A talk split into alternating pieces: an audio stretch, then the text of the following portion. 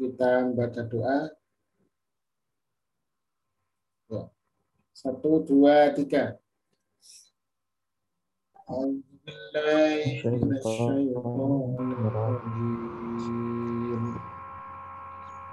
Bismillahirrahmanirrahim. Ya kita doa sama satu dua tiga. Raditu billahi rabba وبالإسلام دينا وبمحمد نبيا ورسولا ربي علما وارزقني فهما Alhamdulillahirrabbilalamin Salatu wassalamu ala asrafil anbiya wal mursalin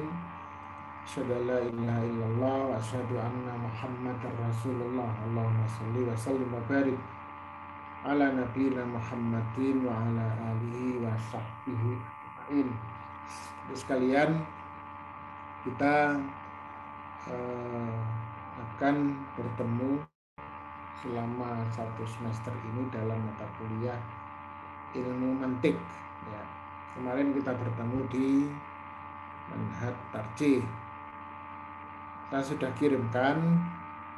Tidak apa-apa. Saya akan mulai dari RPP dulu rencana perkuliahan kita ya.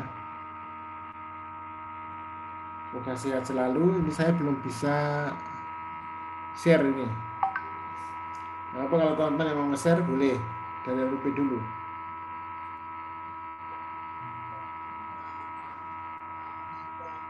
Ah, sudah bisa. Oke. Ya.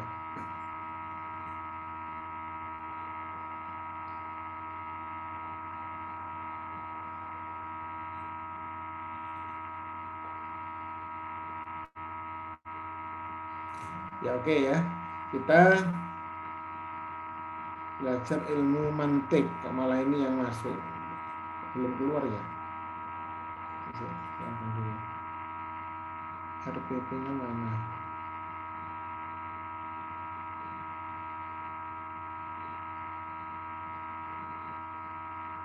Nah.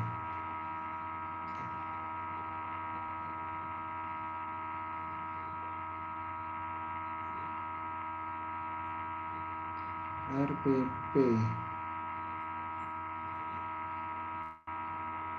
Sudah nampak ya?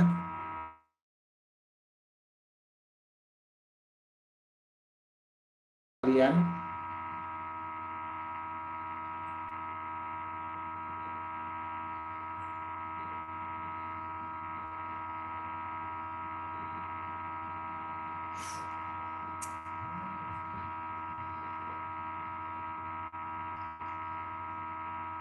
ini yang PP nanti dulu jadi rencana program kegiatan perkuliahan semester ini semester berapa ini? Semester 5 ya, betul ya? Nah, Ustaz, semester 5. Nah, ilmu mantik. Ini termasuk jenis mata kuliah komponen pendukung. E, sebenarnya ilmu mantik ini adalah ilmu dasar yang harus disampaikan di awal sudah saya sampaikan sebelumnya bahwa ilmu antik ini bukan bukan ilmu lanjut, ilmu awal. Seharusnya sebelum mengambil ilmu tafsir, ilmu hadis, usul fiqh, bahkan manhat tarjih, Anda sudah mengambil dulu ilmu mantik. Karena ini ilmu dasar yang menjadi eh, menjadi dasar, menjadi pondasi cara berpikir di dalam ilmu tafsir, usul fikih dan manhaj tarjih. Bahkan mungkin ilmu-ilmu yang lain. Ilmu filsafat itu juga dari mantik.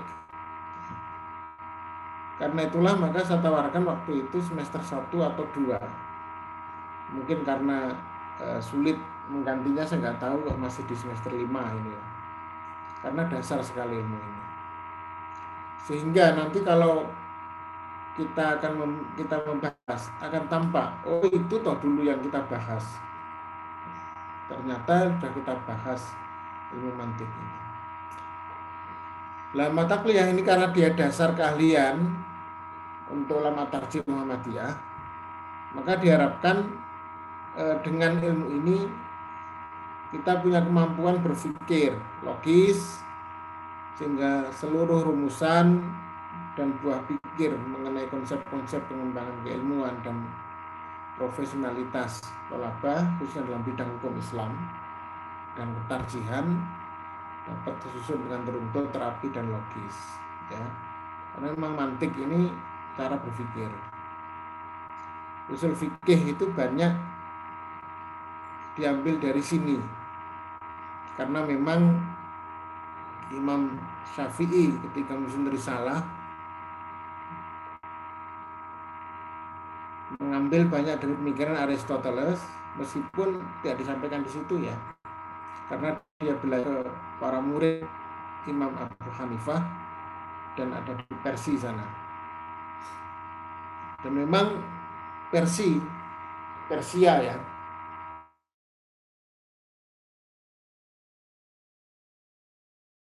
ada kampus yang namanya kampus Yudi Sapur Yudi Sapur sebelum Islam datang kampus itu sudah mengajarkan filsafat Yunani. Dipelajari di situ Aristoteles, Plato dan Socrates dan yang lain-lainnya. Di eh, Persia itu. Bahkan sampai sekarang karena punya sejarah panjang tentang rasionalitas, rasionalisme dan filsafat maka Iran sampai sekarang itu adalah menjadi negara yang sangat maju di bidang pemikiran Islam dan sains. Maka para peraih Nobel dari Muslim itu beberapa kebanyakan dari Iran. Sehingga memang sangat maju Iran itu karena memang sejak awal dia belajar filsafat Yunani memantik dari Aristoteles ini untuk mengembangkan ilmu logika berpikir yang yang yang uh, sistematis dan dan jelas. Nah, kemarin saya bertemu dengan beberapa alumni dari Iran. Dia menceritakan tentang Iran sekarang itu apa yang digambarkan dalam buku-buku uh, tentang Syiah dan lain-lain itu nggak seperti yang dibayangkan atau tertulis di buku-buku itu sudah out itu harus di up date lagi. Ya. Sehingga saya tawarkan nggak apa-apa aja nulis dengan saya tentang si A dan tentang beberapa keyakinan yang selama ini diyakini kaum Sunni agar ada eh, semacam pencairan lah ya bisa cair hubungan Sunni A seakan-akan sesuatu yang sangat jauh. Bisa enggak malah saya ditawari untuk ke Iran. Di sana itu katanya murah. Hidupnya itu Eh, realnya Iran itu satu rupiah kita itu ternyata nilainya seperti 700 rial. Hmm, hebat ternyata. Rupiah juga ternyata menguat di sana. Sehingga makan 4000 5000 itu sudah dapat makanan Arab kayak sini nasi biryani nasi mandi itu saya tawari dan diberikan eh, sponsor untuk satu bulan di sana. Saya bilang ntar dulu. Tapi kalau saya mau dengan istri, oh, boleh bawa istri. Istri saya tatawari gak mau. Katanya nanti dikira si ah nanti. Memang masih ada beberapa stereotip ya pandangan terhadap Iran itu. Tapi ilmu mantik itu berasal dari sana. Maka ketika Islam maju pada zaman keempat itu pada masa Baghdad. Karena Baghdad memang ilmu pengetahuan dan teknologi waktu itu ya dari Teluk Persia Raja Persia itu. Jadi kekuatan Islam itu kan luar biasa karena punya sejarah panjang. Ketika di eh, Madinah ya Pak Hasan Abdul Rasidin jelas itu karena memang masa eh, masa awal Islam. Lalu pindah Damaskus.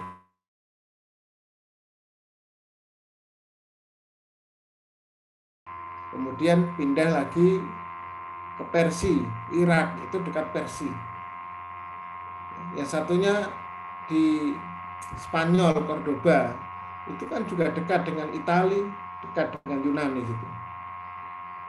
Dan memang secara epistemologis ya ilmu itu kan kalau ilmu rasionalitas itu kan berangkat dari Yunani itu.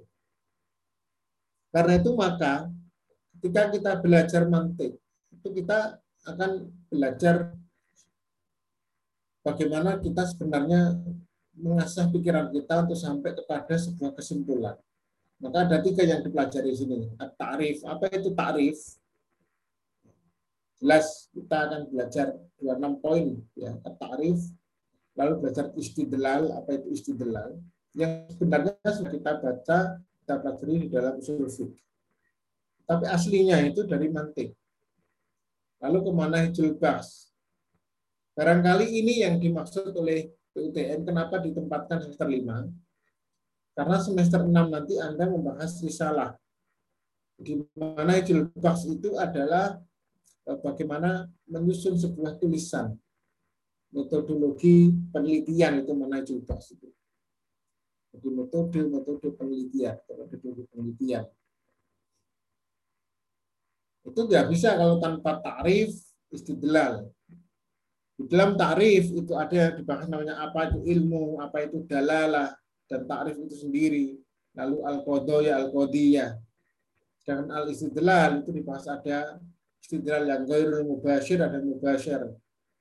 Ada tanakut atau kontradiksi, ada aksu al-mustawa, aksu an-nakid, ya, sebuah kontradiksi yang sepadan dan kontradiksi yang bertentangan ya. Maka itu juga harus paham kita. Kemudian juga ada yang gairul mubashir, maka kalau kita bahas ada kias, ada istiqro, ada tamsil, itu nilai pembahasan di dalam ilmu mantik itu adalah cara istidral yang mubashir, yang langsung. Apa bedanya kias di dalam mantik dengan kias Imam Syafi'i misalnya, atau para ulama usul fiqh. Nanti akan kita bahas di sini. Ya. Lalu yang terakhir poinnya adalah mana itu bas. Jadi tiga pembahasan uh, mantik itu apa itu takrif, istidlal, dan manhajul bas. Poin akhirnya itu adalah manhajul bas.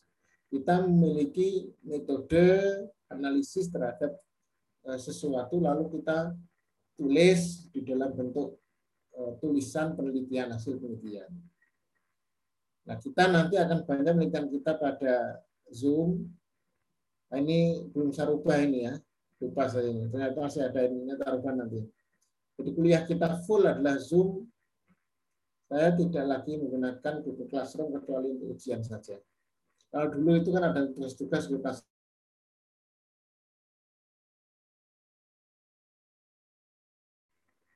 kita full ke, ke Zoom ya. Tujuan penguliahan di sini adalah memang teman-teman sekalian, adik setelah penelitian setelah kuliah ini Anda bisa menguasai ilmu mantik berpikir logis lalu meluruskan dan merumuskan persoalan fikih hukum Islam menanggapi persoalan masyarakat bisa dengan uh, kuliah ini dan ini inti ya tolaba harus paham ini. Materi fikih usul fikih ilmu tafsir bahkan jadal atau perdebatan atau diskusi dialog itu juga tidak lepas dengan usul fiqh apa ilmu mantik. Karena ini memang ilmu dasar. E, kemudian outcome perkuliahan ini ya Anda bisa memahami pengertian sejarah kebutuhan dan manfaat ilmu mantik ini baca sendiri aja ya nggak sempat kita karena 26 poin itu saya nggak sempat memberikan sudut pandang lebar tentang pengertian sejarah. Ini saya kasih nanti ininya eh, apa namanya powerpointnya untuk dibaca sendiri. Ada buku-buku juga yang perlu anda kalau mau ya. Eh, ini sudah mau saya susun buku sebenarnya dalam bahasa Indonesia, Arabnya juga, cuman belum selesai ini untuk ini eh, mantik. Tapi untuk mana tarji insya Allah tahun depan sudah jadi itu. Sekarang yang sudah mau terbit itu usul fikih berwawasan tarji yang saya tulis untuk UMY. Eh, lalu yang kedua adalah Anda memahami konsep ta'rif. Ada ilmu dalalah ta'rif sendiri lalu al-qodoya. Atau kodiyah, kita sering sebut kodiyah, premis-premis ya. Kodiyah. Mahasiswa memahami istidlal, ada yang namanya istidlal al mubasyar, ada yang mubasyir, mubasyar itu ya. Istidlal yang mubasyir, mubasyar. Yang mubasyar itu ada tanakut, ada aksu al-mustawa, aksu nakid. Kemudian yang mubasyar yang langsung ada kias, istiqro, dan tamsil. Kemudian terakhir, poin akhir itu Anda bisa memahami apa itu mana julbaks, metodologi penelitian. Ini materi pokoknya ada 26 ini yang harus kita kuasai, cukup banyak. Tapi nanti beberapa memang eh, perlu kita persingkat pembahasannya karena tidak mungkin kan kalau memahami semua. Tapi paling enggak 26 itu ringkasnya tiga itu yang pokok. Ya. Ini ada tiga itu.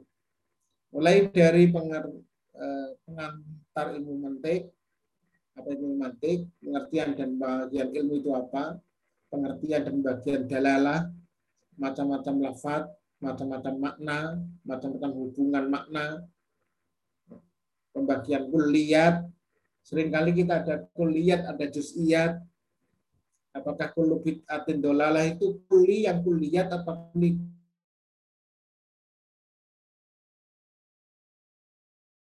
kuli itu adalah keseluruhan tanpa satu pun yang dikecualikan ataukah kuli itu sebenarnya di dalamnya ada yang dikecualikan. Ketika mengeneralisir sesuatu itu bagaimana caranya lah. Kuliat ini perlu. Dan pembagian at-ta'rif. Lalu bagian dan klasifikasi. Ada taksim dan tasnif. Dalam ilmu itu kita enggak bisa menyusun risalah atau skripsi kalau kita tidak melakukan taksim dan tasnif. Di situ ada karakteristik masing-masing yang berbeda. Ya. Kita harus pilah-pilah itu, harus bisa memilah dan memisahkan. Kemudian ada al ya, lalu pembagiannya ada hamliyah, ada syartiyahnya bagaimana. Ini bagian yang ini pertama, bahasan pertama tentang ta'rif itu segini panjangnya. 13 ini kita masuk al istidlal. Apa itu istidlal? Kalau dalam survei kita kenal istidlal ada wajhul istidlal. Apa itu istidlal sebenarnya? Maka di mantik istidlal bagi dua, ada istidlal yang gairil mubasar, ada yang mubasar. Yang gairil mubasar itu ada aksu al mustawa, ada aksu nakir. Tapi masing-masing ide ada namanya talazum. Ada talazum. Lalu istidlal langsung mubasar, ada kias, ada ada kias iktironi ini bagian dari kias ya, ada askal al alba itu masih kias, lalu ada istiqro, ada tamsil. Ya. Belum kita membahas manhaj al-bas. Bagaimana kita melakukan atau mengetahui metode meneliti yang benar, kita harus tahu at-tahlil wa tarkib. Bagaimana kita menganalisis dan menyusun sesuatu. Sehingga memang sepertinya saya menduga UTM meletakkan ilmu mantik ini jadikan sebagai dasar atau alat untuk menyusun risalah. Sepertinya begitu. Dia hanya melihat di tahlil mulai istidlal, at-tahlil tarkib sama manahij al-bas. Sepertinya itu. Padahal sebenarnya kalau saya UTM lebih dasar lagi bisa di awal. Biar teman-teman ketika membahas usul fikih, ulum tafsir, ya manhaj tarjih itu sudah memiliki dasar-dasar berpikir yang benar. Malah sudah tahu apa itu makna, apa itu istidlal, apa itu kodiyah, ya, apa itu kias, ya, kemudian istiqro. Itu kan sangat familiar bahkan di dalam ilmu tafsir. Ya. Bahkan kalau Anda tahu ada lafaz yang nas, ada mustarok, itu kan masuk al-lafdu itu lafaz itu sebelum dibahas di dalam ulumul Quran dan usul fiqh sebenarnya sudah dibahas di ilmu mantik karena ilmu itu memang saling berkaitan ya jadi sekalian ini lalu kegiatan belajarannya adalah dalam satu semester ini ada 12 kali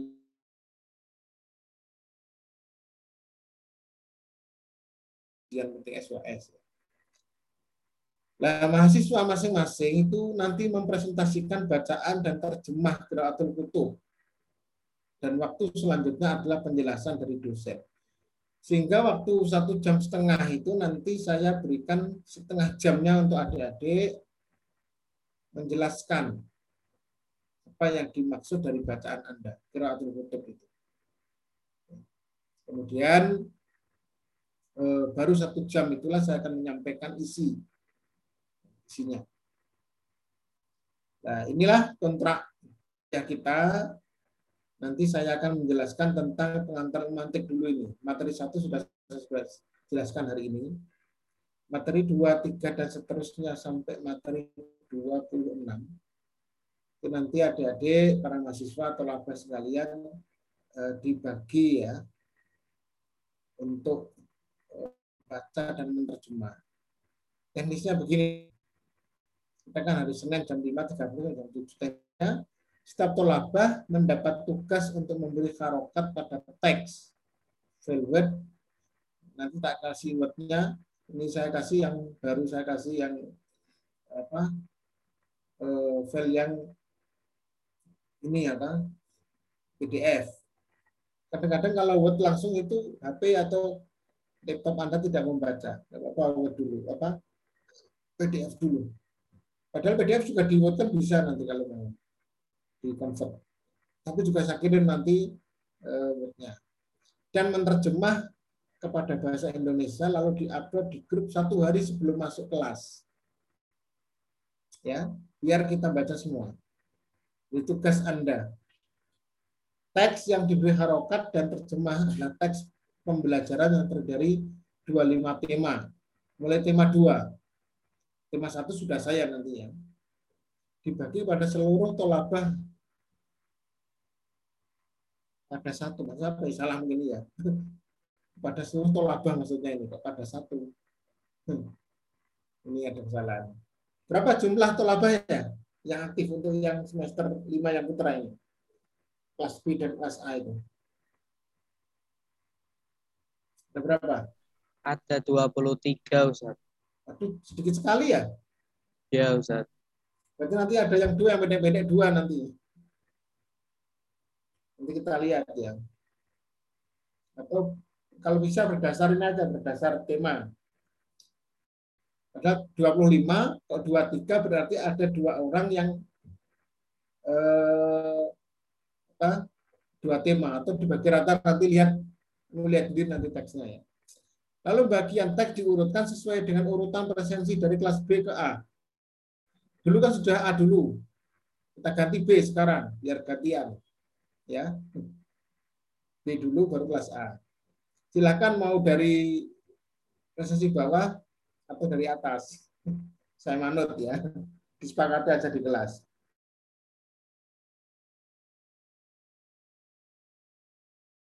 rata untuk satu tolabah rata-rata, tapi tadi kan katanya cuma dua tiga, sehingga ya ada yang dua itu. Namun ada yang panjang bisa untuk dua tolabah itu kalau tolabahnya lebih dari 25. Seharusnya kan standarnya seharusnya 30 ke atas teman-teman ini ya. Ini banyak yang mereka di jalan kok, tinggal dua tiga ini. Atau di awal memang sudah sedikit ya. Seluruh pembagian diurutkan oleh ketua kelas dan disepakati oleh semuanya. Silakanlah mau atau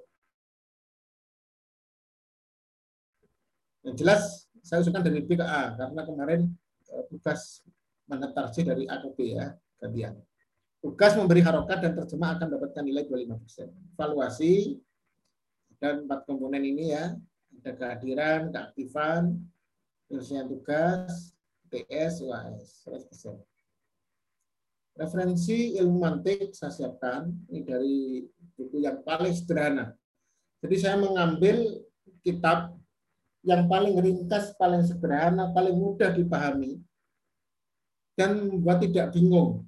Mantik itu kalau salah kitab, malah bingung, nggak malah ngerti. Saya didatangi oleh para mahasiswa dari prodinya Pak Muhajir dari bahasa yang ngajar dari dosen di pendidikan bahasa Arab sana, mantik ada di sana. Terus anak-anak itu katanya nggak paham-paham. Lalu ustadznya coba eh, ke PUTM waktu itu masih belum pandemi ya, minta satu kuliah. Saya jelaskan tentang ini. Kemudian Alhamdulillah dia paling enggak saya berikan poin-poin saja. Intinya nanti itu ini loh. Takrif sama istidlal. Itu aja intinya dua ini. Seringkali kan kita tidak paham karena kayaknya luas sekali mantik itu. Aduh temanya. Padahal sederhana. Kunci-kuncinya harus kita pegang. Ada terus mantik ini panjang ini ya. Ini kitab sungguhan. Lalu ada mabadi ilmu mantik ya asroh saya ahli wanis kemudian juga ada logika mantik ini Pak Basik Jalil Indonesia dan juga logika praktis Nur MS Bakri dan lain-lain ya saya sedang menulis sebagian terjemahan tapi ada yang saya eh, lebih sederhanakan lagi agar mudah dipahami oleh mahasiswa. Oke, ini tentang RPP ya. Sebelum ada pertanyaan, eh, saya kelihatan nggak ini yang eh, materi-materinya ini? Kelihatan ya? Kelihatan. Fahros ini ya. Nah, ini ada 26. Tadi sudah saya sampaikan sampai mana Baks, mulai dari eh, apa itu ilmu mantik. Saya jelaskan nanti ini. Apa itu ilmu mantik. Sampai ke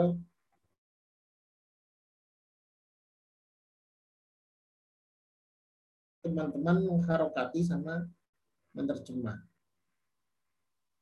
Lalu diupload satu hari sebelum kuliah yang tugasnya masing-masing ya misalnya besok kita bahas dua misalnya tema dua. Tema dua itu siapa? Kelas B siap-siap di awal ya. Silakan dari awal. Dari presensi depan atau belakang jangan saja nah, ilmu ini kan praktis ya. ilmu ini yang anda bahas nanti apa ilmu itu hingga sampai sini. Dua hanya dua halaman. Bagusnya kitab ini diakhiri dengan uh, peta peta ilmunya, ada peta ilmunya. Ya. Ada tasawur, ada tasdik, ya. ada ruri, ada daruri, ada nazori. Jadi ini yang kita bisa oh, ilmu itu ini itu ilmu itu. Semuanya diakhiri dengan peta. Ada dalalah, apa itu dalalah, tematika ini ya. Begitu seterusnya. Sampai sini ada pertanyaan sebelum saya membahas apa itu ilmu mantik. Silakan ada pertanyaan.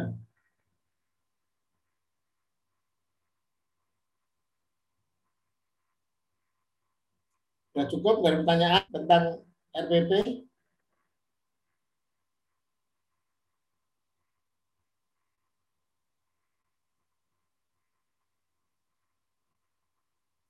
Halo?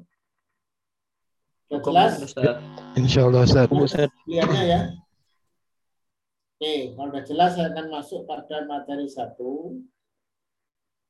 Nanti kalau ada pertanyaan bisa di akhir nanti ya. Di lagi nggak apa-apa. Ya. Saya lupa apakah sudah saya buat powerpoint yang materi satu ini. ini belum kayaknya. Ya semuanya sudah. Ini tak lihatnya dulu sebentar.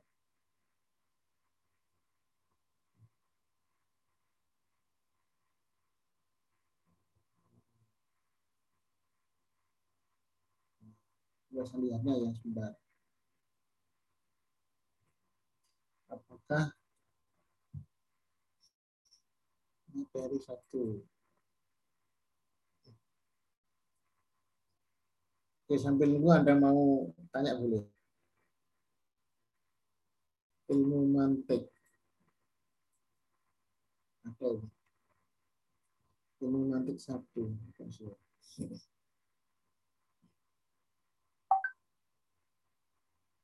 dulu biar ini yang hadir bawa 18 dua tiga yang lain ke mana ini?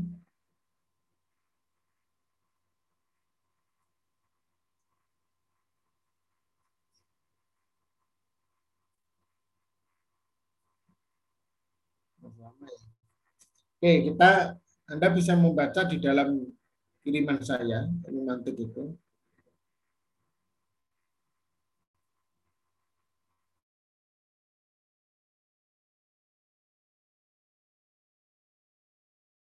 Belum, ya.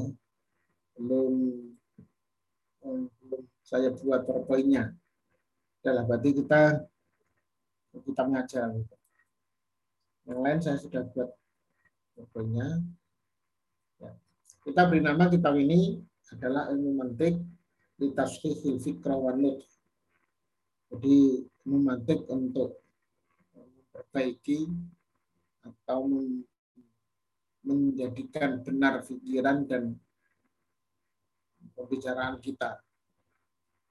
Ketika kita pidato pun, seorang orator itu tidak mungkin dia bisa berpidato dengan baik terus kata-katanya bisa menancap dengan jelas. Dia bisa memilih kata-kata yang tepat kalau dia tak tahu ilmu mantik. Karena dia tahu makna, tahu dalil, tahu lafaz. Jadi mantik itu dimulai dari kemampuan kita untuk bisa mengidentifikasi lafaz yang kita gunakan, makna yang terkandung. Jadi orang yang tahu ilmu mantik, dia akan bisa mengatakan sesuatu dengan tepat, menggambarkannya, Beri contoh misalnya kita menyatakan kematian seseorang saja. Dalam bahasa Indonesia itu kan banyak lafat yang muncul. Dan setiap lafat itu punya makna. Ya enggak? Dan setiap makna itu ada kesan di dalamnya, meskipun enggak kita katakan, itu bisa nanti akan terbaca uh, oleh orang lain. Misalnya, saya bilang, Oh, dia mati kemarin. Sudah mati kok dia. Beda kalau saya katakan sudah wafat atau meninggal dunia. Apalagi ah dia sudah mampus, beda lagi. ya. Penggunaan kata mampus, kata wafat, kata mati, meninggal dunia, kata kim, ya sudah selesai. Itu beda. Karena apa? Setiap lafat itu mengandung makna. Dan setiap makna itu kan sebenarnya hasil dari kesepakatan. Lafat yang digunakan oh maknanya begini. Makanya seorang yang eh, tahu lafat dan makna yang ada di masyarakat, dia akan bisa mempengaruhi dan menyihir masyarakat. Dia menggunakan kata yang seperti apa, karena kata ini punya makna begini, maka saya gunakan untuk mempengaruhi. Ada sebuah uh, buku yang cukup bagus. Uh, dia berjudul arti sebuah kata. Arti kata. Jadi memang setiap kata itu punya arti. Seorang orator seperti Zainuddin MZ, itu dia pintar sekali memainkan kata-kata. Seorang penulis kayak Hamka, kalau Anda membaca bukunya Hamka, nggak usah buku yang berat-berat lah, novel saja ya. Tenggelamnya kapal Van der Weijs. Ya atau dengan Ka'bah novel-novel yang lain menggambarkan betapa dia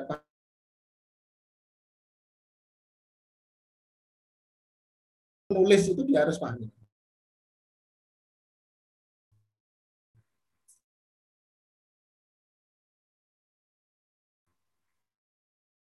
yang benar agar dia bisa menulis atau berbicara dengan dengan benar. Saya akan mulai dari apa itu ilmu mantik dulu. Ilmu mantik. Ilmu mantik, ilmu logika kalau istilah Ta'rifu definisinya. Jadi selalu memang diawali dari definisi di sini. Ilmu mantik saya membaca ya huwa ilmun yabhasu anil qawaidil ammati litafkiris sahihi ilmu mantik adalah ilmu yang membahas tentang kaidah-kaidah umum. Atau ilmu yang membahas tentang prinsip-prinsip dasar yang universal. Itu kalau bahasa kita agak dinaikkan. Hmm, prinsip-prinsip dasar terkait atau kaidah-kaidah yang umum atau yang universal. Litafkir sahih agar bisa berpikir secara benar. Jadi memang mantik ini didesain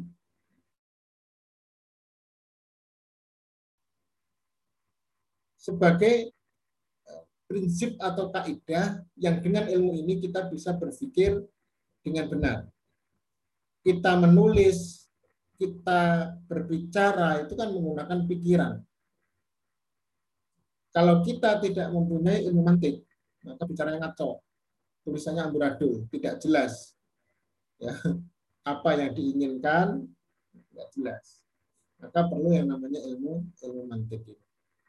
Romantik itu adalah prinsip-prinsip dasar yang universal atau kaidah-kaidah umum untuk berpikir yang benar. Maka kalau kita belajar kawaid al-fiqhiyah dan kawaid al-usuliyah sebenarnya adalah berangkatnya dari mantik. Nanti akan kita tahu ketika kita belajar kias dan istiqro. Kaidah fikih paling enggak kelahiran dan kemunculan dari kaidah-kaidah itu. Tapi Anda sekarang sudah harus paham apa bedanya kaidah fikih dengan kaidah usuliyah. Kan sudah sering usul juga ada, di tadi juga ada. Tapi saya tidak membahas apa bedanya kaidah-kaidah itu. Cuman bahwa kaidah-kaidah itu adalah kaidah umum untuk berpikir yang benar di bidang hukum. Yang kaidah usuliyah itu yang memang banyak mengambil dari ilmu mantik ini. Kaidah usuliyah ya. Meskipun ada beberapa yang kaidah-kaidah untuk memahami teks. Itu kaidah usuliyah. Tapi kalau kaidah fikhiyah itu kaidah-kaidah untuk memahami kasus, persoalan. Ada perbedaan. Kaidah usuliyah itu maksudnya adalah usul fikih. Kalau kaidah fikih itu maksudnya adalah ilmu, ilmu fikih. Jadi kalau usul fikih Anda harus paham untuk apa itu kaidah usuliyah. Karena itu masuk dalam seluruh bangunan usul fikih itu ada kaidahnya. Itu kaidah usuliyah itu. Sementara bangunan untuk membahas kasus itu ada namanya kaidah fikih. Itu bisa Anda terjang lagi mau tanya dulu. Jadi definisinya dari ilmu mantik ini adalah ilmu yang membahas kaidah-kaidah umum atau prinsip-prinsip dasar universal agar berpikir yang menggunakan rasio berlogika dengan benar. Dan itu dipakai baik dalam menulis maupun dalam berbicara. Nah, mungkin kita bicara menulis tanpa ilmu. Balaghah saja juga mantik mana yang didahulukan kita kan membahas misalnya ada batik ada pertama adalah ada ma'ani ada batik itu satunya itu bayan ya bayan ma'ani lalu batik jadi itu juga bicara sulfik eh bicara mantik mantik juga jadi itu dasarnya juga mantik mereka kapan kata-kata itu eh, di terdepan, kapan di belakang. Kita punya makna itu. Kenapa iya karena butuh? Kok malah maf'ulnya didahulukan? Kenapa tidak nak butuhkan? Itu punya maksud itu. Itu yang namanya adalah uh, at-taqdim wa ta'khir.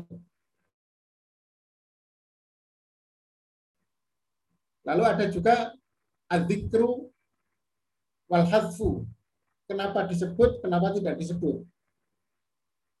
Kadang kita bicara itu menyebutkan, kadang tidak menyebutkan sesuatu. Mengapa tidak? Karena ada pertimbangan-pertimbangan. Itu cara berpikir. Cara belajar memantik agar benar. Mauduknya, temanya, atau objek kajiannya. Jadi ilmu itu ada objek kajian. Apa sih objek kajiannya itu? Ada tiga ini. Maudukul mantik, saya katakan tadi. Ma dari mantik ada tiga. Pertama, at-ta'rif. Kedua, al-istidlal ketiga warna hijau bas. Tiga ini. Jadi kalau kita paham tarif, kita sudah memahami seperti dari pembahasan ilmu mantik. Kalau ta'rif itu satuan-satuan. Kalau istidlal itu menghubungkan satu dengan yang lain. Kalau manajul baks itu adalah menyampaikan hasil dari ta'rif dan istidlal. Sebenarnya ketika kita menulis dalam bentuk tulisan, kita berbicara dalam bentuk oral atau omongan, itu kita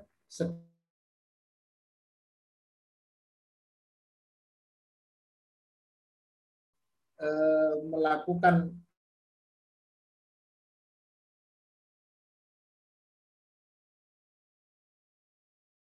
atau orang yang menulis atau berbicara dia tidak akan benar menulis dan bicaranya kalau kita nggak dia nggak tahu apa itu takrif dan apa itu istilah. Ini pokok ya, takrif istilah pokok. Taudih penjelasannya, gimana penjelasannya? Yuhayyi lana ilmu mantiki bahwa itu tarif. Ilmu mantik telah menyiapkan untuk kita kaidah-kaidah takrif, bahwa itu tarif jadi ada kaidah-kaidah, ada eh, langkah-langkahnya hingga sampai eh, kepada jenis macam dari takrif itu. Kaidah-kaidahnya bagaimana? Idal istidlal dan kaidah-kaidah istidlal.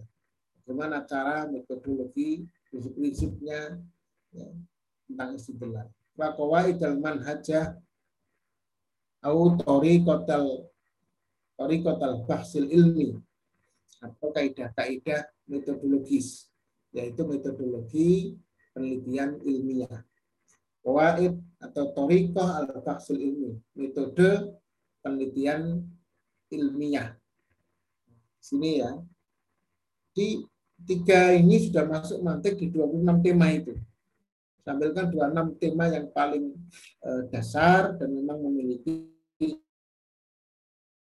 cakupan yang yang sudah mencukupi lah ya bagi pembahasan romantik.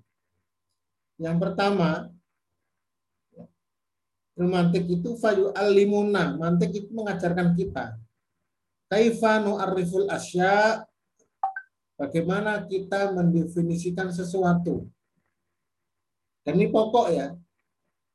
Definisi ini pokok. Kita nggak mungkin meneliti sesuatu kalau kita nggak berangkat dari definisi takrif itu awal dari ilmu.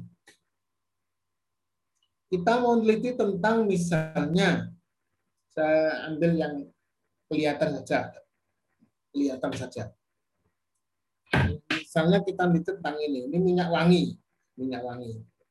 Kita akan mengatakan eh, pengaruh minyak wangi terhadap eh, psikologis manusia. Ada nggak pengaruhnya minyak wangi? Jadi kalau ada orang yang pakai minyak wangi, dia akan pede daripada tidak pakai minyak wangi. ada pengaruhnya nggak itu? Kalau minyak wangi yang baunya baunya apa ini baunya ini? Ini kasturi ini. Enak ini kasturi. Itu ha. Ada yang bau kasturi yang katanya bau minyak wangi kenyang-nyang dan lain-lain. Silakanlah lagi Ada enggak? Kita nggak mungkin bisa teliti itu hubungan minyak wangi dengan kalau nggak jelas kita minyak wangi itu apa, jangan minyak semua masuk minyak wangi nanti. Dan itu perlu mantik. Anda meneliti tentang misalnya tentang bid'ah, bid'ah nah, misalnya apa ya pengaruh bid'ah pada amal masyarakat X misalnya. Maka bid'ah harus tahu dulu apa itu bid'ah. Jadi mantik itu mengajarkan kita kaifanu ariful asya ta'rifan. Bagaimana kita itu mendefinisikan sesuatu dengan yang bisa memperjelas hakikatnya au maknaha atau menjelaskan makna-makna. Jadi jangan sampai definisi itu malah bulat. Definisi itu menjelaskan dan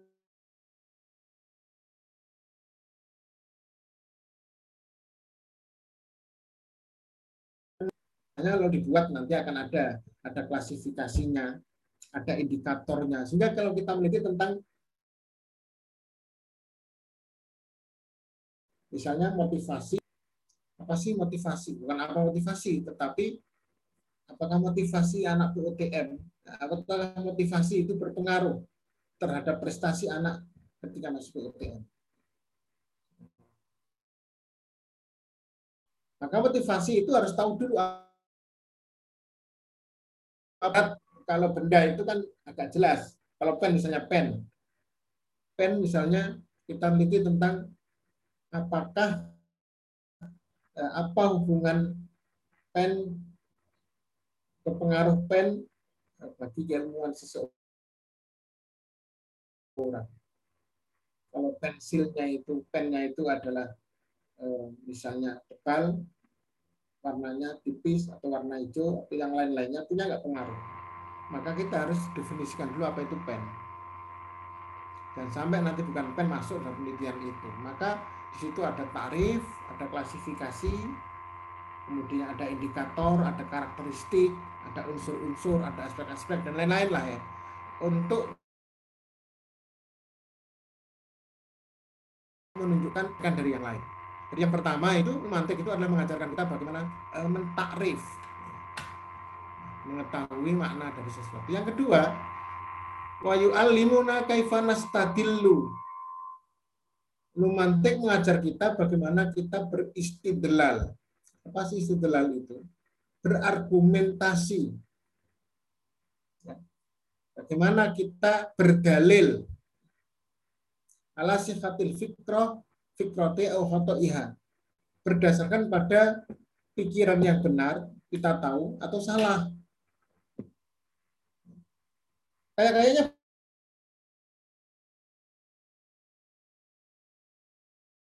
apa salah ini? Kalau saya katakan bahwa Ali adalah manusia. Manusia pasti mati. Maka kesimpulannya Ali pasti mati. Satu. Benar nggak itu? Halo. Benar, Ustaz. Nah, Benar Ustaz. Benar, Ustaz. yang kedua, Ali makan ayam. Ayam makan tai. Berarti Ali makan tai. Benar nggak itu? Salah. Salah. Salah itu tiga urutan sama loh itu. itu istidlal. Lah, itu harus dipelajari. Maka belum tentu yang tiga kata lalu Anda benarkan. Seringkali orang mengatakan itu pasti benar itu tidak. Maka harus tahu takrif dulu masing-masing dari tadi ya, Ali makan ayam, ayam makan tai. Hati Ali makan tai. Ayo. Itu mana yang salah? Salah kayak masa ayam. Kan kesan kita yang salah, tapi salahnya di mana? itu yang belajar dari ilmu mantik. Ya. Jadi beristidlal itu punya dasar takrif dulu. Nanti kita harus belajar takrif, lalu istidlal. Nah, setelah kita tahu dalil argumentasi, oh baik yang deduktif maupun induktif. Kemarin saya juga diskusi tentang ada orang yang meliti kebencanaan dia dokter ya. Dia dibantai pemikirannya karena kesalahan di induktif deduktif itu. Jadi sebenarnya induktif itu menurut dia dalam ilmu-ilmu sosial ya itu tidak memiliki argumentasi yang kuat. Jadi induktif itu berangkat dari yang khusus. Jadi kesimpulan bahwa mengeneralisir sesuatu berangkat dari yang khusus belum tentu benar menurut dia.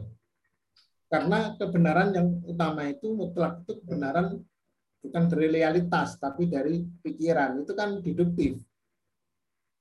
Belum sampai sini ya. Nanti kita bicara ini yang ada di belakang memang ini.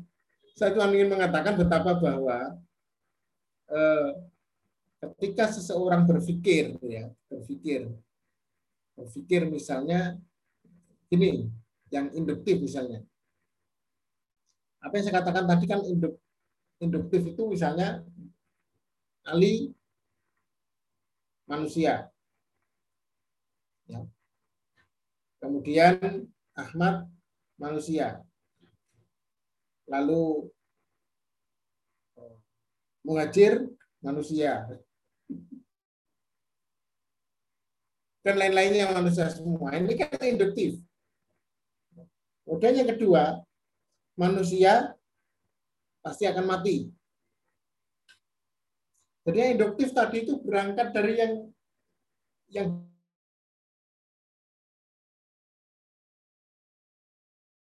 suatu pemahaman umum. Nah, kalau berangkatnya dari manusia pasti mati, bahwa Muhajir, Ali, Muhammad, Abu Bakar itu adalah manusia, itu berangkat dari deduktif. Nah, berangkat induktif deduktif begini ini, ternyata dalam penelitian atau istidlal yang kuat itu adalah deduktif, bukan induktif. Kenapa? Karena deduktif itu berangkat dari kebenaran, lalu kita terapkan. Sudah diakui, sudah ilmiah, ya teori menjadi hukum itu sudah diakui. Tapi kalau berangkat dari induktif, belum tentu. Karena menjelaskan sesuatu nggak bisa. Saya beri contoh yang induktif ini. Dulu tahun berapa lupa saya ya. Atau awal di sini kayaknya tahun 90-an. Atau awal dari tahun 2000. Atau kamu udah lahir belum itu? Tahun 2000. Nah, itu ada penelitian di Yogyakarta Kesimpulannya apa? Kesimpulannya bahwa para mahasiswi-mahasiswi yang sekolah di Yogyakarta 75% tidak perawan lagi. Menghebohkan itu ya penelitian ini. Lah kok bisa? Tahu dari mana? 75% itu kan banyak sekali. Jadi kalau kita mahasiswi itu 75% nggak perawan lagi itu loh. Dari mana itu? Ini penelitian dia itu induktif dia mengeneralisir dari apa yang dia temukan. Nah, tergantung nanti dia mencari datanya di mana, siapa itu. Bayangkan masa kampus-kampus Islam 75% nggak perawan lagi. Ya, terus kita gimana cari cari istri begitu itu? Nggak pesantren nggak perawan lagi. 75% bayangkan. Itu banyak itu. Nah, induktif begini ini tidak bisa menjadi ilmu. Karena dia berangkat dari kasus-kasus yang kadang-kadang salah melihatnya lalu digeneralisir. Nah ini istidlal begini ini nanti kita ada istiqro. Maka istiqro di dalam usul fikih oleh itu kan sangat ketat istiqro itu. Mengapa begitu? Karena istiqro itu adalah pendekatan induktif. Beda dengan kias. Kias itu eh, sudah diakui karena dia logika yang memang benar makanya diambil dalam Islam. Oke ya, nanti akan kita bahas istidlal itu. Yang ketiga yu'allimuna wa yu'allimuna kaifana hasil maklumat. Nanti juga mengajar kita bagaimana kita membahas pengetahuan. Bahsan munaddoman dengan pembahasan yang terakhir. Ya ba'adul baksa anil akomi yang mana pembahasan itu eh, jauh dari eh, kerancuan ambil pupuk fil foto atau tidak mungkin terjatuh pada kesalahan. Karena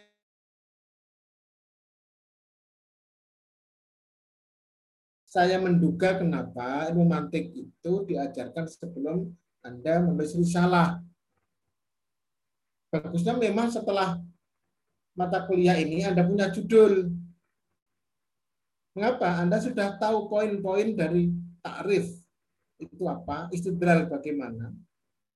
Lalu Anda bisa membahas ilmu atau meneliti penelitian ilmiah itu secara teratur sistematis yang tidak rancau dan tidak salah logikanya.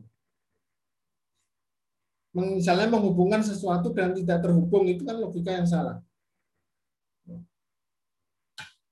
Misalnya, hubungan antara eh, kualitas pen ya apa hubungannya atau apa pengaruhnya kualitas pen dengan eh, kehusuan sholat? Apa hubungannya? Itu kan salah salah takrif itu. Apa punya pen dengan sholat? Ada kualitas? Memang pen atau sholat? Nggak ada kaitannya atau membandingkan sesuatu mengkomparasikan yang tidak komparabel. Ya. tidak comparable nggak perlu dibandingkan. Misalnya ya tergantung temanya ya. Membandingkan orang muslim dan orang kafir di dalam kehusuan sholat. Orang kafir nggak sholat atau dibandingkan. Gimana? Nggak bisa. Nah itu cara berpikir ya kita harus tahu tarifnya masing-masing kemudian kita beristidlal, lalu di akhir kita bisa meneliti, bisa menulis, bisa berbicara dengan teratur, jauh dari kerancuan dan kesalahan karena kita tahu ilmu mantik. Jadi orang yang tahu ilmu mantik itu dia akan paham bagaimana cara yang benar. Faidah Tuhan minal wadih termasuk jelas Maksudnya jelasnya adalah satu yang jelas atau jelasnya anna jami'al ulum bahwasanya semua ilmu hiyanata tafkiril insani semua ilmu adalah hasil dari pemikiran manusia. Jadi ilmu semua itu hasil pemikiran manusia. Wa minal wadih aidon dan jelas juga termasuk yang jelas adalah annal insana bahwasanya manusia hinama yufakiru ketika dia berpikir Fatiyah tadi ila ija sohihatin. Kadang-kadang dia akan sampai pada kesimpulan yang benar wa bulatin dan bisa diterima logika. Wakot yantahi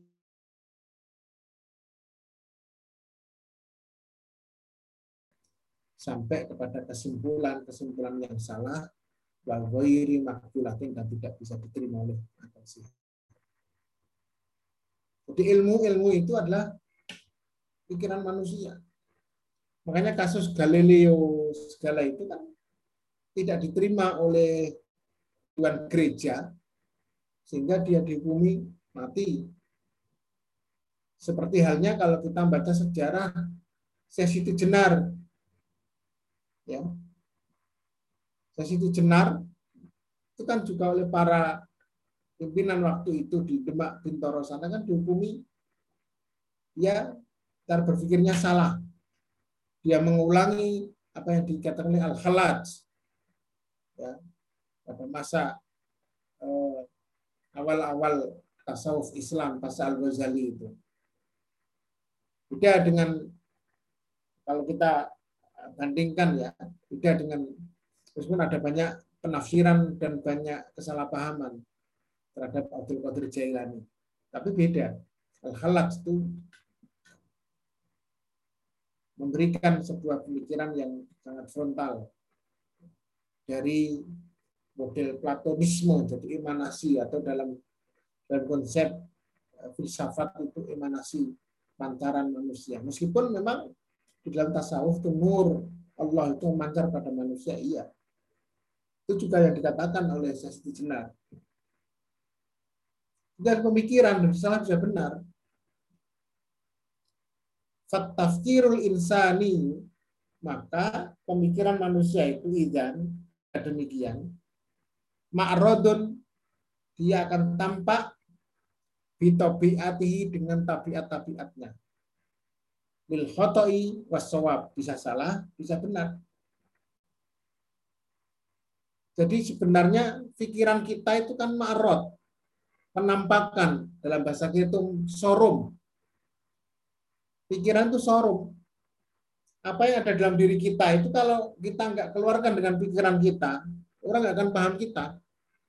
Orang paham kita bagaimana? Itu karena pikiran kita. Pikiran kita itu bisa kita keluarkan melalui tulisan, bisa lisan. Kalau tulisan itu karya ilmiah, kalau lisan namanya kita sedang berorator, retorika kita dengan lisan kita. Maka pikiran yang sudah dikeluarkan itu menjadi sorum. Orang akan menilai kita apakah kita benar apa salah. Dan memang tabiatnya pikiran bisa salah, bisa benar. Meskipun sebenarnya di dalam agama beristihad salah itu dapat pahala. Tapi kan bukan berarti kita sengaja untuk salah. Ya toh? Kita harus bersengaja untuk benar di dalam berpikir, dalam beristihad. Foto wasowab itu manusiawi, tetapi yang kita tuju adalah sowab. Meskipun kadang-kadang terjatuh pada foto. Wali ajli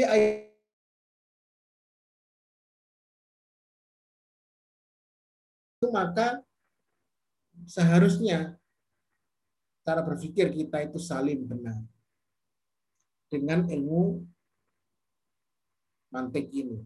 Watakunu ijuhu sohihatan sehingga dengan berpikir yang benar, yang selamat, yang salim, maka hasil-hasilnya juga akan benar. Asbahal insanu bihajatin ila qawaid karena ketika pemikiran manusia itu adalah tempat untuk bisa benar, bisa salah, dan kita diharapkan agar benar dalam berpikir, harapannya hasilnya juga benar, maka manusia itu membutuhkan sekali tentang ila ida amatin pada kaidah-kaidah umum. Maka penting sekali kaidah-kaidah umum dan kita benar berpikirnya itu tuhai ulahu majalat tafkir sahih yang akan mengantarkan dia kepada pemikiran yang benar. Mata saro ala doya ketika dia memang eh, apa, berjalan atau dia melakukan sesuai dengan kaidah-kaidah itu. Jadi ada di sekalian, karena pikiran kita itu sorum yang bisa salah bisa benar, padahal kita seharusnya berpikir itu yang benar dengan hasil yang benar, maka kebutuhan kita terhadap kaidah-kaidah umum, kaidah-kaidah universal yang akan mengantarkan kita berpikir benar itu harus dilakukan. Itulah kita kebutuhan terhadap ilmu mantik itu pasti. Di sini ini. Lalu yang kedua, oh, belum kedua ya. Wal ilmu ladhi yatakaffalu biwad'i biwad'in wa ta'il qawaidil amati tafkir sahihi. Sedangkan ilmu yang bertanggung jawab meletakkan dan memberikan kaidah-kaidah umum untuk berpikir benar.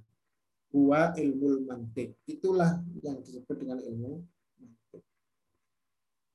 Jadi kebutuhan kita pada ilmu mantik itu sangat besar. Makanya saya usul itu tidak di akhir tapi di awal.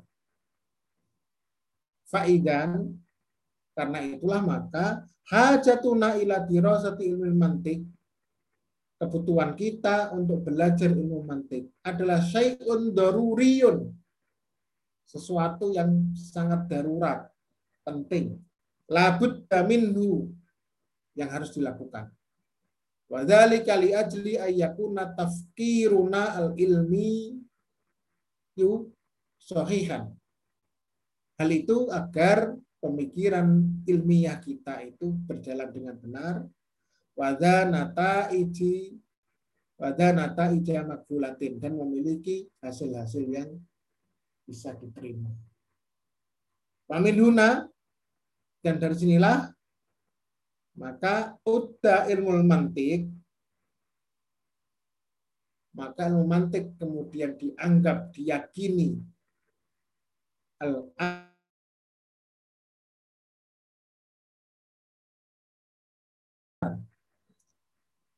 wal mantikul awalu dan cara berpikir yang paling awal li jami'il ma'arifil basyariyah bagi seluruh pengetahuan manusia. Karena kita pengetahuan itu berangkat dari takrif dan istidlal.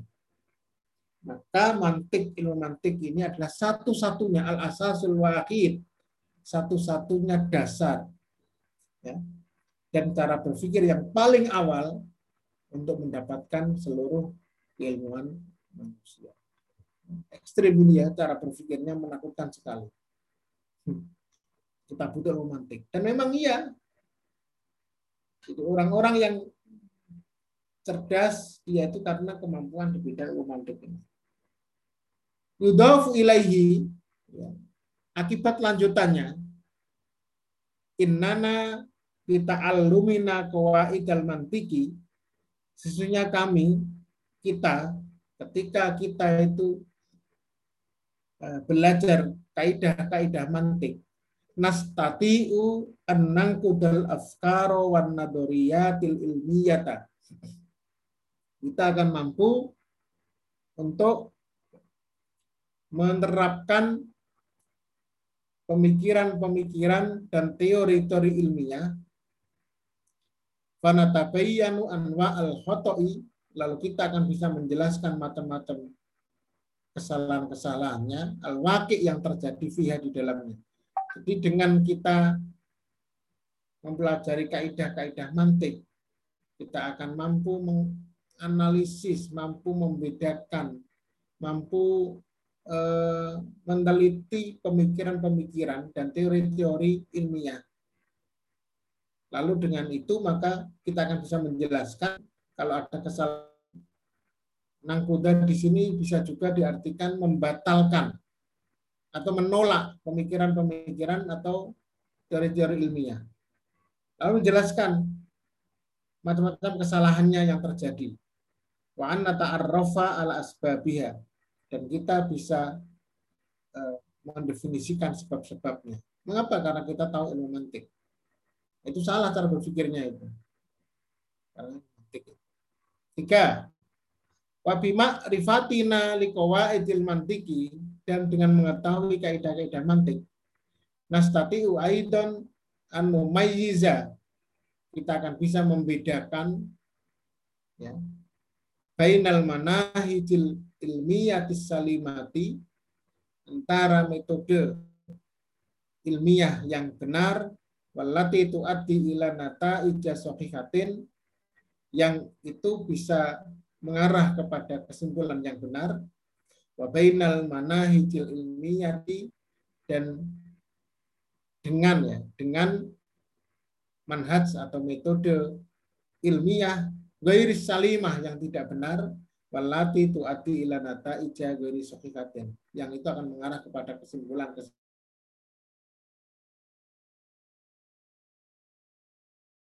akhir faedahnya adalah wanastatiu kadzalika Begitu juga dengan ilmu kita mampu ala dau'ifah minali kawaidil mantiki berdasarkan pemahaman kita kepada kaidah mantik. Mampu apa? Anufarriko.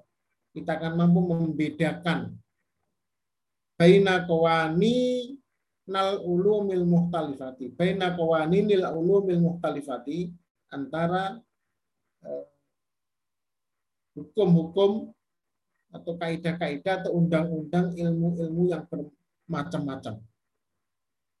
Di sini kewanin diartikan e, karakteristik ilmu-ilmu yang berbeda-beda itu. Kita tahu akhirnya. Wa an nuqarina bainaha.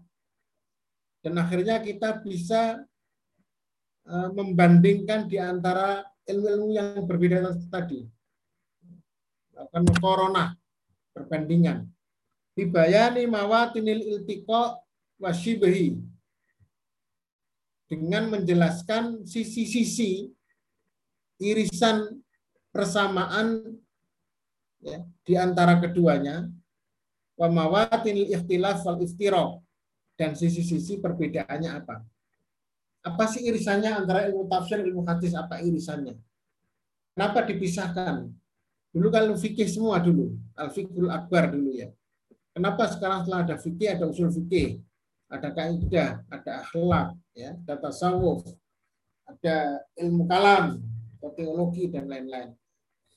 Kalau kita tahu mantik, kita bisa membedakan. Oh ini loh irisannya, ini kesamaannya, dan kenapa dia dibedakan? Karena ada perbedaan maudhu'nya atau metodologinya. Maudhu itu objek kajiannya berbeda. Wal khulasoh, kesimpulannya, annal qimata dirasiyata li ilmil mantik.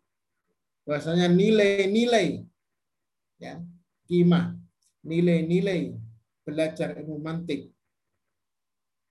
Nilai belajar atau kegunaan. Bahasanya kegunaan atau nilai itu adalah uh,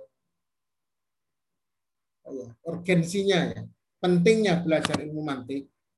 Dia bitawafurihi dengan memahami mantik itu kita akan me, melingkupi ala takwini kudrati tafkir salim. Kita akan menguasai tafsiri, menguasai uh, untuk takwin, untuk membentuk ya, me, mengadakan, melakukan atau menguasai pemikiran yang benar fil di dalam penelitian wan dan di dalam uh, mengkritik atau memahami sesuatu watakimil arok dan di dalam menilai pendapat-pendapat wal afkar dan pemikiran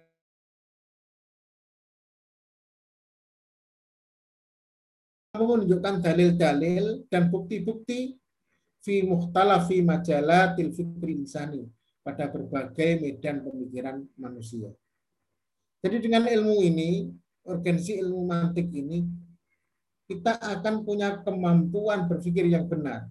Baik ketika meneliti, ketika melakukan kritik, ya, atau ketika kita menilai pemikiran dan pendapat orang lain. Banyak kalau kita nggak tahu mantik, kita nggak akan bisa menganalisis, meneliti mana sih yang benar, mana yang salah. Nakdu, nakdu itu kan kita melakukan kritik, kritik atau eh, menganalisis pemikiran orang lain. Nah, itu salah dia cara berpikirnya. Dari mana kita tahu? Kita harus punya pelajar ilmu mantik. Maka dulu Ahasan, Ahasan dipanggil ya, itu orang yang paling eh, senang dengan ilmu mantik. Sehingga cara berpikirnya itu ketika dia, dia debat, debat menang terus dia. Karena dia menggunakan logika-logika yang yang sangat cerdas. Tapi memang itu juga kemampuan orang berbeda-beda. Itulah eh, apa ilmu matik yang mau kita pelajari. Nah, untuk sejarah dan lain-lain, saya kira waktunya nggak cukup, nggak baca sendiri saya tak kirimkan nanti. Besok kita akan baca apa ilmu. Kita bahas dari ilmu dulu. Apa sih ilmu itu? Apa tarifnya? Nah, silakan untuk pekan depan teman-teman berarti hari Ahadnya atau Jumatnya silahkan sudah mengirimkan hasil terjemahannya itu di eh, ruang kita ya apa namanya di di WAG ya bersama itu ya grup biar semuanya bisa membaca. Ada pertanyaan di sini silakan. Jelas?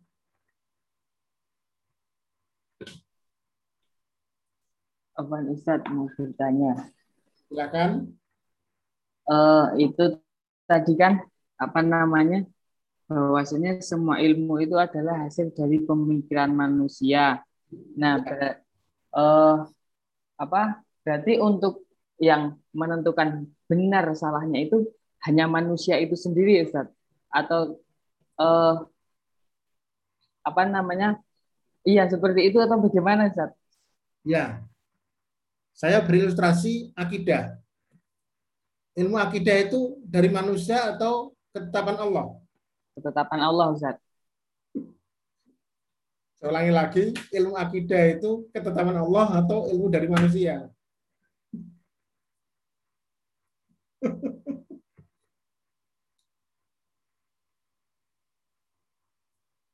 dari manusia.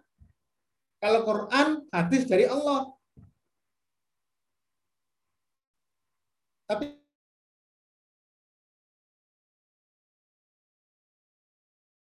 pemikiran manusia. Ya, makanya kemudian ada perbedaan cara memahami akidah itu karena memang itu hasil pikir manusia. Maka akidah yang dipahami tentang sifat-sifat Allah oleh Asy'ariyah lalu menjadi Ahlussunnah wal Jamaah dengan 20 sifat itu berbeda dengan Salafiyah. Keyakinan rububiyah ya. Uluhiyah, rububiyah, mulkiyah, asma wa sifat itu kan sangat Ibnu Taimiyah. Lalu diakui oleh Muhammad bin Abdul Wahab dan sebagian orang Muhammadiyah itu mengambilnya. Itu Muhammadiyah yang Salafi atau Musa namanya. Muhammadiyah Salafi. Orang Muhammadiyah kok mengambil rububiyah, mengambil mulkiyah, mengambil asma wa sifat, uluhiyah, itu adalah kategorisasi salafi. Zaman Nabi nggak ada, sahabat nggak ada. Itu kategorisasi dari Ibnu Taimiyah. Ustadz Junhar mengambilnya. Jadi Muhammadiyah itu dalam hal ini salafi berarti. Ntar dulu, itu hanya kesalahan. Saya akan jelaskan dulu di situ. Tapi kalau kita ngambil misalnya asfaja, Muhammadiyah kok yakin dengan 20 sifat Allah wajib dan 20 sifat yang mustahil. Padahal itu kan hanya tujuh aslinya. Yang namanya Allah Allah eh, mana ya nyanyiannya ya Bakok mukhalafatul hawadisik yang binafsihi waktaniyah seterusnya itu ya ada 20 itu itu aslinya tuan tujuh. Basiron itu diulang dua kali. Ya. Coba. Allah wujud kidam bako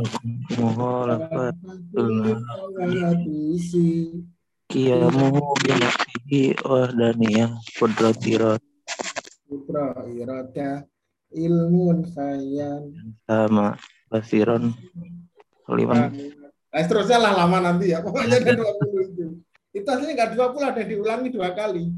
Ya. Itu adalah alusan jamaah. Karena orang Muhammadiyah pakai itu, namanya munu. Tadi satunya Musa, ini munu. Dan ini bertentangan terus sampai sekarang nggak selesai-selesai. Muhammadiyah pakai mana? Muhammadiyah pakai 15. Anda baca HPT tentang iman itu. Sifat Allah yang diakui Muhammadiyah ada 15 kategori, itu ada di HPT. Dia nggak pakai munu, nggak pakai Musa. itu hasil pemikiran HPT lihat tentang iman. CC, tak lihatkan di sini ya. Biar biar tahu. Nah, ilustrasi aja ini ya. HPT. Nah. HPT. Biar tahu. Jadi ilmu akidah saja, akidah paling ekstrim kan tentang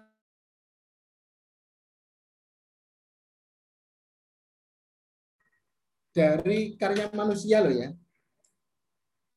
Kita nggak bisa mengatakan paling benar adalah yang 20, apa yang uh, rupiah. Sekarang dia tambah lagi tauhidnya.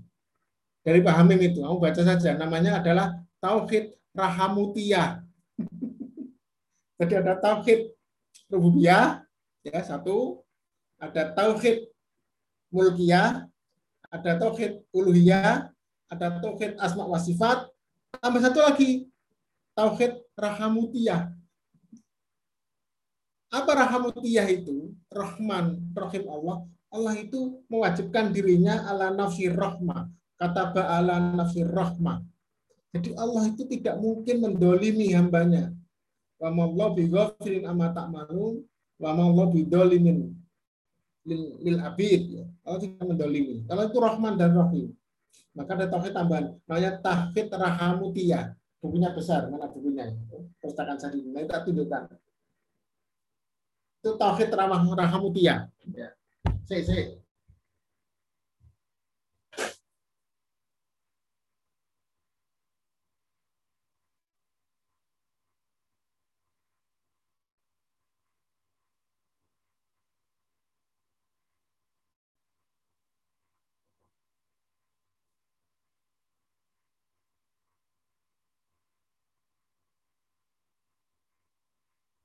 Ini ya, saya tunjukkan ini.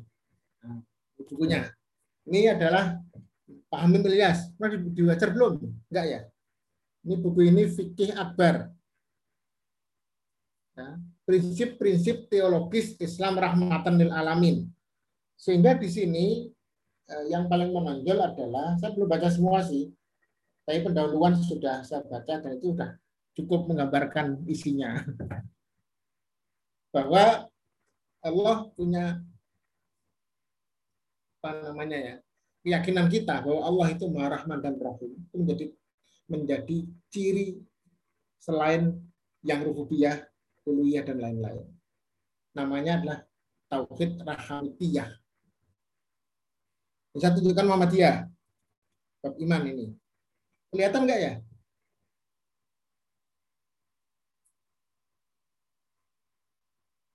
Hmm, Jadi Muhammadiyah itu dia bukan As'ariyah, bukan pula eh, Taimiyah,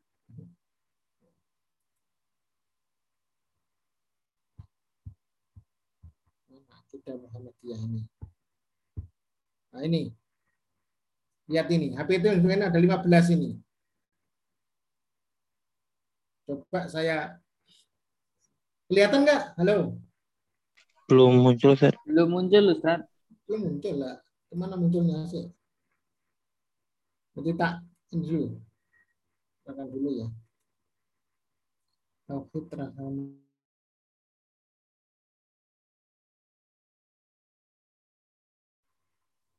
Sudah muncul? Sudah, Ustaz. Ya. Hmm, Dalam HPT itu kita ini. Jadi kalau orang Muhammadiyah sebenarnya meyakini tentang rububiyah itu adalah milik yang dari Salafi. Kalau model 20 sifat Allah itu milik Asy'ariyah Aswaja, NU. Kalau di sini ya.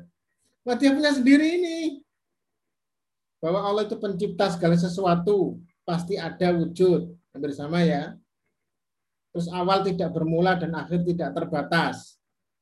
Kalau bahasa Arabnya ada di sini. Ini bahasa Arabnya. Ini sudah saya kategorisasikan. Nah ini. Ini bahasa Arabnya ini. Yajibu alaina an nu'mina billahi rabbana. Ini yang 15 ini. Wawal ilahul haqqul ladzi khalaqa kulla syai'in wa wal wajib wajibul wujud. Wal awalu bila bidayatin wal akhiru bila nihayatin. Saya tadi ya. Wala yusabbihu syai'un minal kainat. Al ahadu fil wah.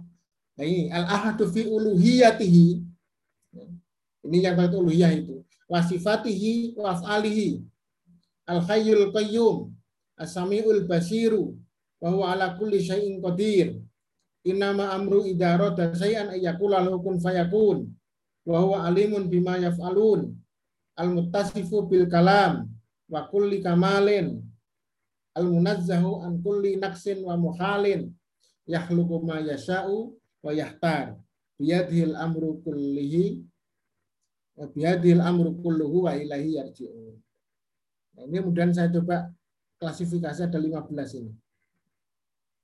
Jadi akidah Muhammadiyah itu sifat Allah 15 beda 20 yang NO, beda Salafi yang Tauhid ada tiga macam, empat ya. Tambah lagi sekarang Rahmutiyah jadi lima, lima Tauhid. Misalkan yang sama dengan Salafi ini, satu dalam uluhiyahnya, sifatnya, afalnya. Ada tiga di sini kita.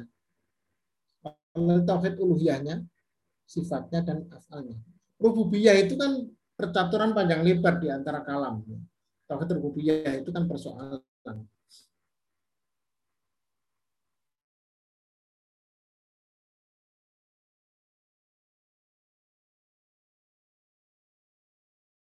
saya sedang tidak bahas. Ini contoh saja betapa ilmu akidah yang sangat ekstrim pun itu hasil karya manusia bisa berbeda. Jelas ya? Pada ilmu itu karya manusia semua. Yang enggak karya manusia hanyalah Quran dan sunnah karya Allah. Pemahaman manusia terhadap Quran dan sunnah itu adalah karya manusia. Yang itu sangat dipengaruhi oleh ilmu mantik, cara berpikir yang benar. Jelas? Yang lain silakan kalau ada.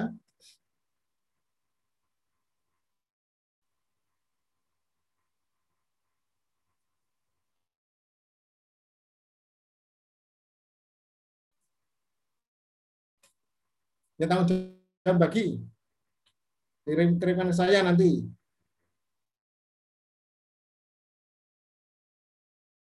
Tiger Kemal Ustaz. Mas apa? Kemal.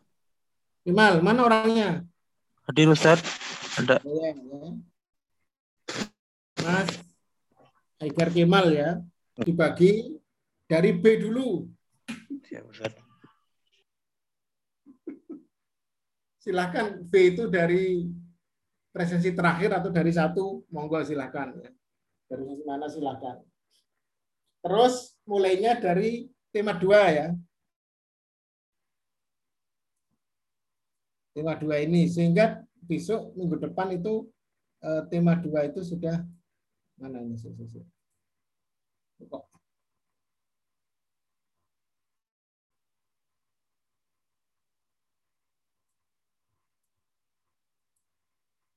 eh, keluar ini. Mana tadi? Ini ya. Boleh ilmu ini ya? Dua ini ya siapa ini? Jadi besok sudah mengharokati sama eh, menerjemahnya. Kita akan baca satu hari sebelumnya dikirimkan biar paham teman-teman sehingga ketika masuk kelas nggak blank. Saya tinggal menjelaskan nanti. Dan sedikit-sedikit saya saya suruh baca nggak apa-apa tapi nggak semuanya terlalu lama nanti kalau baca semuanya.